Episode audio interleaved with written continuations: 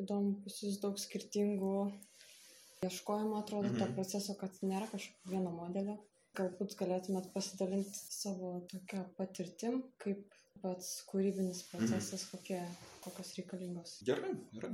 Ar yra, kokios turi būti sąlygos, kad prasidėtų kūrybinis procesas? Na, čia turbūt yra dvi tokios pusės. Tai yra galbūt tokios būtinės sąlygos viena pusė yra, kita pusė tokia labiau gal tokia nematerialistinė. Ne, ne tai jeigu žiūrėt taip iš, iš tos paprastesnės pusės, tai visų pirma tiesiog, na, laikas turi būti kažkoks tai mhm. tam paskirtas, kadangi, na, gyvenu aš gana intensyvų tokį gyvenimą, taip. Tai nu, vienas dalykas tai yra laiko tas paskirstimas. Ta laiką aš pasiskiriu paprastai, na, tiesiog kažkokie, kažkokie laisvesni būna dienos momentai, bet tai būna dažniausiai vakar, nu, vakarai arba savaitgaliai. Tai tiesiog ar tiesiog yra tas laiko pasiskirimas visas visų pirma.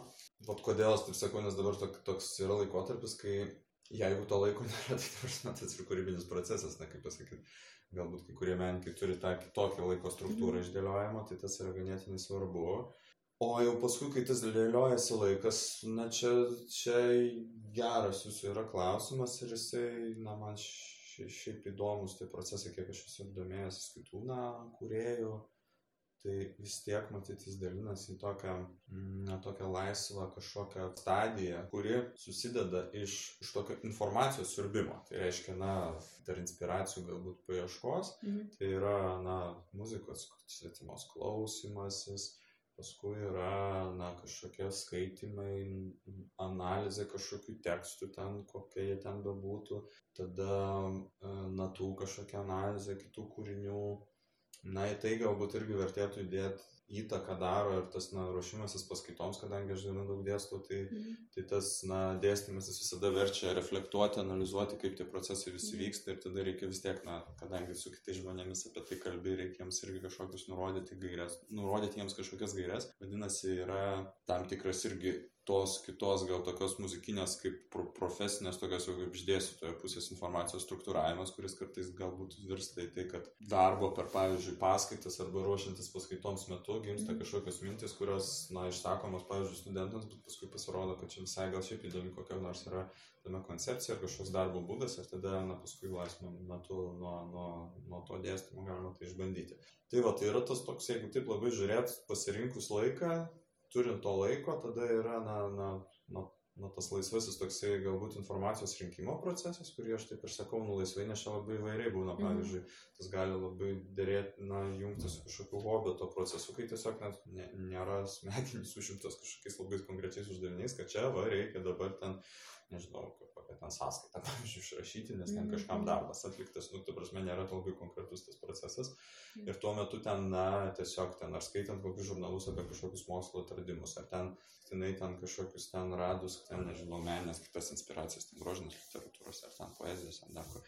Tai iš esmės, vat, tas yra va, toks laisvasis, kuriuo metu ta kaupiama informacija, paskui yra tas konkretusis, kai jau tas na, vizijas visokias ar kažkokius tokius atrastas kažkokias inspiracijas, tada jau reikia sudėti į tą visą jau garsinį pavydalą. Ir šitoj vietoj, na gal, kai jau prasideda tas konkretus darbas, tai mano tas būdas toks yra gal tyrinėjimo, iš tyrinėjimo pusės labiau. Čia gal tas yra ir susiję ir su to, kad aš, na, gyvenime užsiimu įvairiom veiklom, kurios yra absoliučiai, na, su kūryba mm. ganėtinai toli susijusios. Tai pavyzdžiui, ten ar, na, dėstymas, na, kaip dėstymas susijęs yra su kūryba, bet tai yra informacijos struktūravimas mm. ir darbas su žmonėmis, taip kad tiek, kiek įmanoma tos informacijos daugiau gautų ir galėtų panaudoti. Tai ir daug gana tokių kitų veiklų, taip pat yra, tarkim, vedybinė veikla, ten kaip kompozitorių sąjungai vadovaujant, tai čia šiuo atveju yra dar kitas, ten, mhm. prasme, tikslų siekimas, ten dar grafikų išsidėliojimas, na, na, tai prasme, vėl kažkokie ten tokie įstatymų analizė, ten jau ir visai kita tokia pusė, kuri irgi, kaip pasakyti, gal duoda tokių savotiškų inspiracijų, bet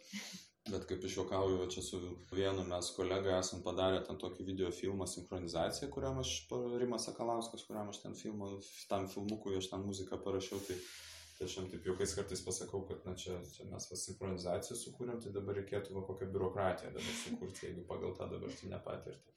O š šiaip, šiaip vat, ką aš norėjau, dėl ko aš pasakoju apie tas kitas patirtis, tai dėl to, kad na, man tame kūrybinio parme procese, na gal jau dabar yra toks kitas, gal sakykime, taip etapas, kaip aš tai jaučiu, bet, na, iki šiol tai, tai buvo tiesiog, na, įvairių būdų analizė ir, ir tas mhm. kūrybinis procesas buvo, taip ir, na, na mano buvo gal ir tokie tikslai vidiniai, kad išbandyti tiesiog įvairius būdus ir paskui pasižiūrėti, ar, ar tie būdai man jie jungiasi kažkokias tai mano tą kažkokią stilistinę, tą tokią, į tą garsą, kurį aš nenoriu išgauti ar ne. Ir, ir tas galbūt taip ir išėjo, kad aš ten per paskutinius dešimt metų, jau pradedant nuo tų ankstyvų studijų metų, gal penkiolika, tai mm. praėjau gana labai tokių įvairių, galbūt stilistinių pusių, kur na, prie kai kurių aš gal ir labai grįžti ir nenorėčiau ten ir jos gal manęs dar nelabai jau domina, bet taip aš gal na kryptingai norėjau taip pasižiūrėti viskas, kas vat, vyksta muzikoje dabar taip aktualiai ir paskui atsirinkti, kas vat, man įdomu ir kas tame man tinka. Tai aišku, lab, labiau prieartėjau aš prie tos tokios kažkokio derinio, tokio eksperimentinio, to tokio elektro, elektroninio inžinerinio santykio su garsu e, ir jungties su, na, kažkokiais tokiais to maišymo eksperimento su kažkokiais mhm. tokiais galbūt įprastais muzikai, tokiais dalykais. Tai va, tas, tas toks, aišku, pasakyti, diapazonas gal stilistinis ganėtinai vis tiek yra pakankamai platus, nes aš vis tiek ne, neturiu tikslo ten vien tik tai kurti, pavyzdžiui, ten ar eksperimentinės elektronikos, ar, pavyzdžiui, kokios chorinės muzikos. Mm. Man abu žanrai patinka labai, bet bet kai aš kuriu chorinę muziką, tai aš na, vis tiek pagal tai, koks choras tai turėtų dainuoti, atsirenku, na, kokia tai bus, na, kokie limitavimai bus, ar ten jeigu elektroninis kūrinys, tai vad kokie bus, ar ten elektroakustinis, tai vad kokia ten, tai jau tada su ta garsinė idėja ateini prie kažkokių ten tų techninių limitų ir tada žiūri, kaip jie dera. Tai vat, tas jau toks nelaisvas laikas, jisai susijęs su tų tokių idėjų, tų, kurių, kurio, kurias aš ten prikaupiu, ten, ten kažkokiu būdu ar užsifiksuoju, ir eskizuoju, jau, jau paskui mhm. transformavimui kaž,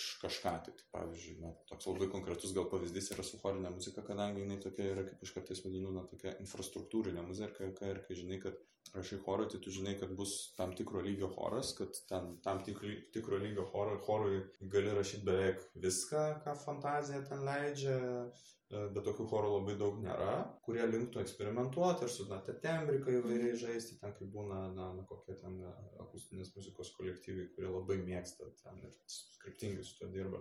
O vat, su tam tikrai žanrais nebūna labai aišku, vat, choras jis yra, jeigu ten, ten vidutinio pajėgumo, tai aišku, kad ten kiek balsų gali rašyti, kokią faktūrą, kad ten veikia dažniausiai vis tiek kažkokie harmonijos principai ir tu turi, nu, jeigu tu tai taip nerašysi, kaip, kaip tie chorai jie yra kažkiek įpratę na tiesiog tos muzikos nedainuos niekas. Ir, mm. ir tokiu atveju tada vis tiek, vis tiek gal kažkiek visada galvoja apie tai, kaip, kaip ten ta, ta vizija, jinai, pasakyt, prasifiltruoja į tai, ką jau ten gali tie žmonės atlikti.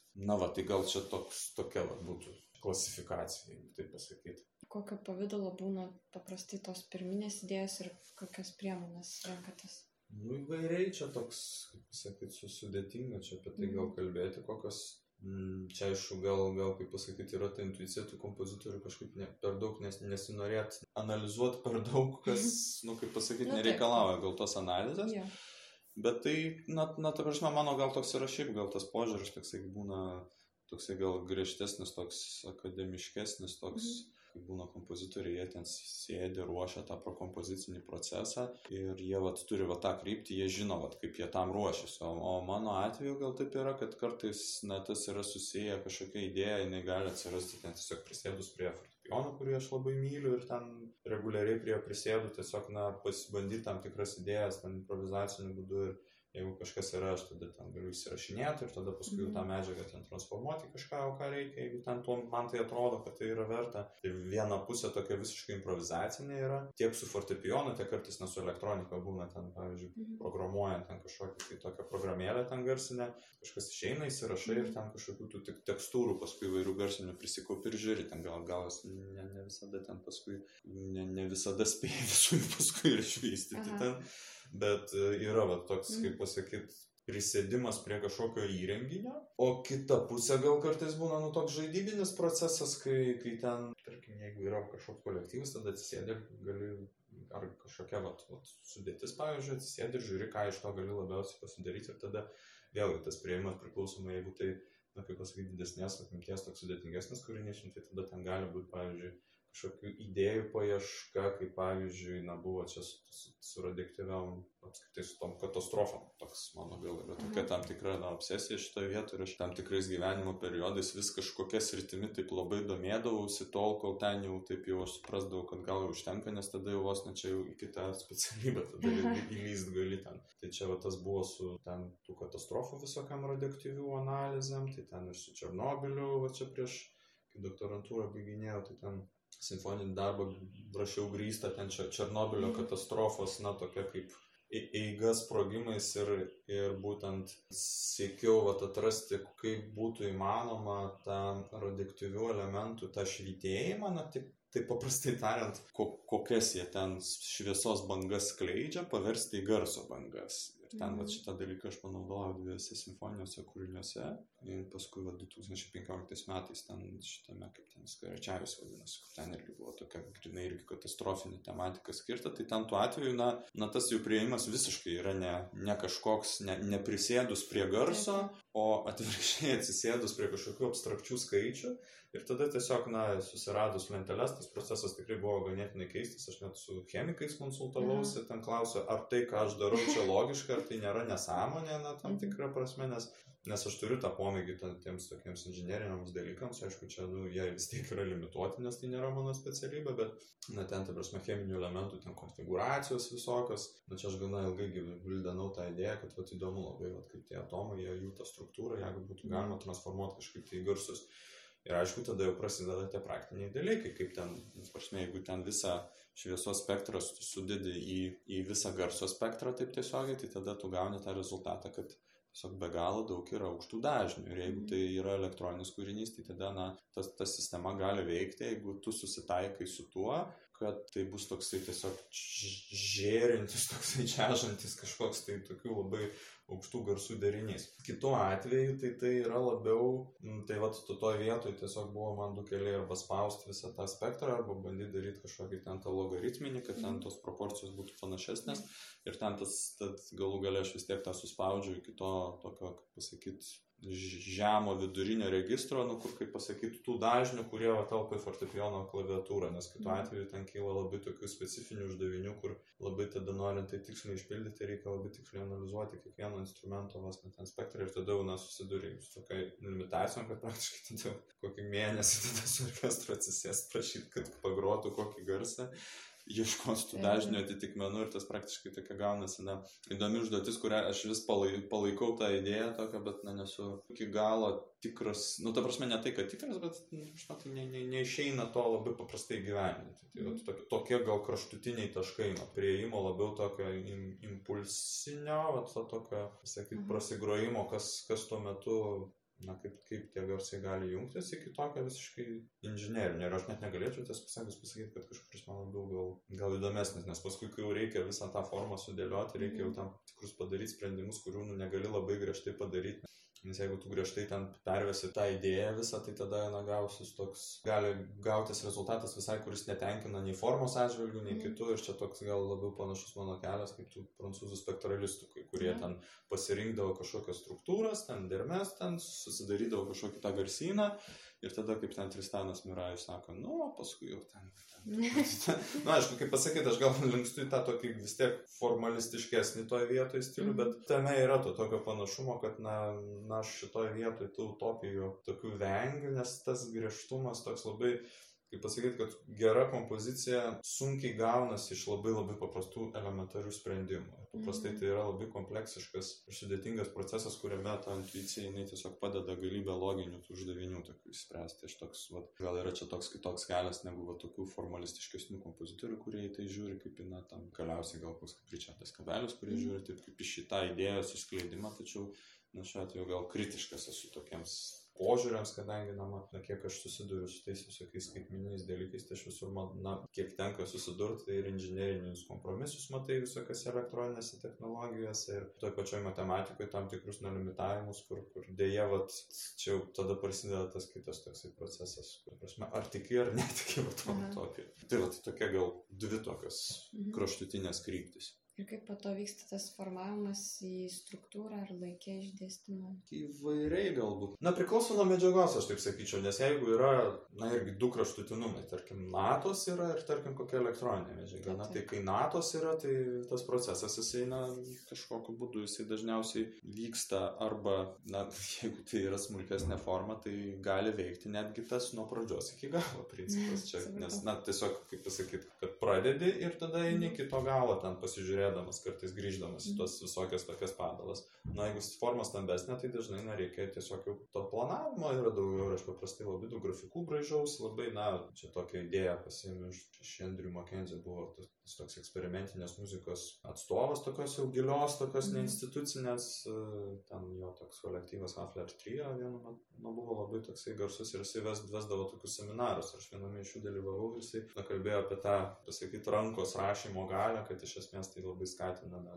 įvairius smegenų jungtis aktyvuoja, tai aš tiesiog šioje vietoje, kadangi na, ir turiu tam tikros gal dailininko patirties, tokios gal, gal ne, neišplėtotos ir neišeksploatuotos, tai man tas vizualumas labai padeda, kaip paprastai, jeigu yra kūrinys, tai tiesiog aplink mane yra daug Mhm. popieriaus laisvo, ten sąsiuviniai kokie ir, ir ten sąsiuviniai su natom, jeigu notuota, jeigu ten elektroniškai, tai tiesiog lapai kokie ir aš tiesiog žymiuosiu tuo metu, kas vyksta ten, kaip aš čia suplanavau, ką aš noriu daryti ir tose schemose dažnai, jeigu yra kažkokių vietų, kur matai, kad tu nežinai, kas toje vietoje bus, tai gali tiesiog, na, tiesiog tas vizualumo, vizuali schema, toks pasižiūrėjimas iš viršaus, jisai padeda, na, tą planą tokį pasidaryti. Tai šiaip paprastai tuos planus aš vis tiek daugiau mažiau aš juos darau, nebent, na, kažkoks yra projektas, kuris toks labai jau improvizacija grįstas yra. Ir šiaip paprastai, nu, čia toks, kaip sakyt, bendras gal dalykas, kad didžiulės formos jos reikalauja to tokio planavimo, kurį stengiuosi atlikti ranka ir tokiais vizualiniais grafikais, ten, žodžiu, labai aš daug rašau, ten tokių daug, daug po- popierių paskui labai atsiranda ten šito.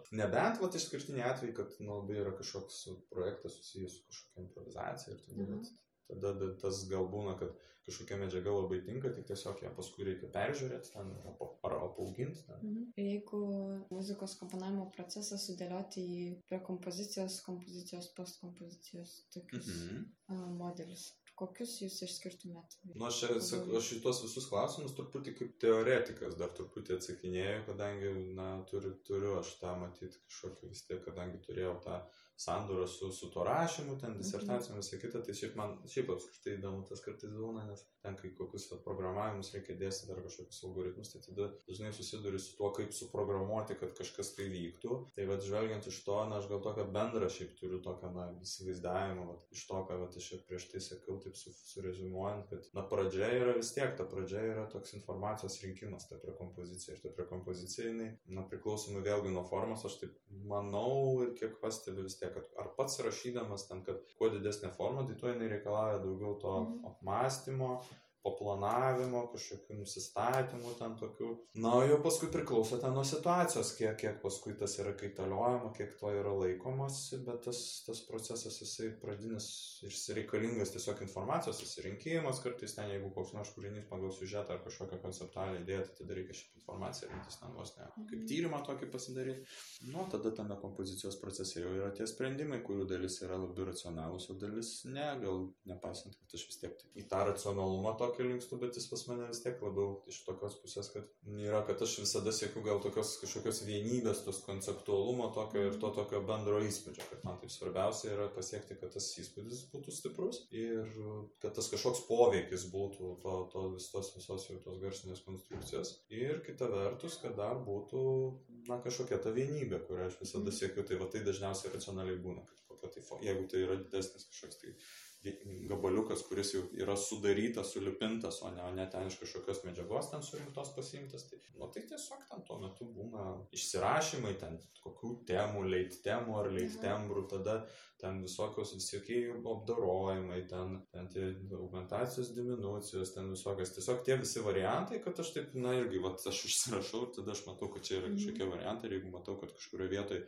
na ta tiekmė muzikos manęs netenkina, aš tada važiuoju, gal čia iš, iš tos vietos, gal čia kažką apversti. Tai vat, tas procesas, jis, nu, čia sunkiai gal net api, apibrėžiamas taip yra, nes labai įvairus būna, bet jeigu tai jau pats kompozicijos procesas, tai taip jisai sudarytas iš tos tokios nu, medžiagos visos လေးတွေပေါ့ O tada tas postkompozicijos, tai jisai, jeigu jis čia kaip su postprodukcija garse, tai garse, jeigu tai Mhm. būna elektroninis failas, tai aišku reikalingas ten kažkoks apdorojimas, ten kažkoks, ne, su tam tų garsų, ten sukompresavimas, suvaldymas ten, kad būtų tinkama tai paleisti, o jeigu pati postkompozicija, jeigu su natom susijusi, arba ten elek elektroakustinė kompozicija yra, na tai tiesiog natų peržiūra, tas tik tikrinimas toksai yra. Mhm. Tai ten reikalingas toksai nesustojimas ir toks nu, biurokratiškas truputį požiūris, kas aišku menininkams yra labai nelengvas yra, bet na, jis labai nepageidautinas, nes Mhm. paskui iš kitų operų gali susidurti, kiek, kiek paskui problemų kyla, kai, na, kūrėjai Mm. pateikia kažką netvarkingai ir jie galvoja, kad vis tiek yra gerai, nes jie yra kūrėjai, bet tai paskui labai labai stipriai gali jau strukdyti tai sklaidai, nes, nu, tiesiog tas tvarkingas pateikimas, jisai ten gali būti ten 30, 40, net 50 procentų rezultatų. Tai, tai vad gal toks būtų mano pamastymas apie tuos tris Mhm. etapus.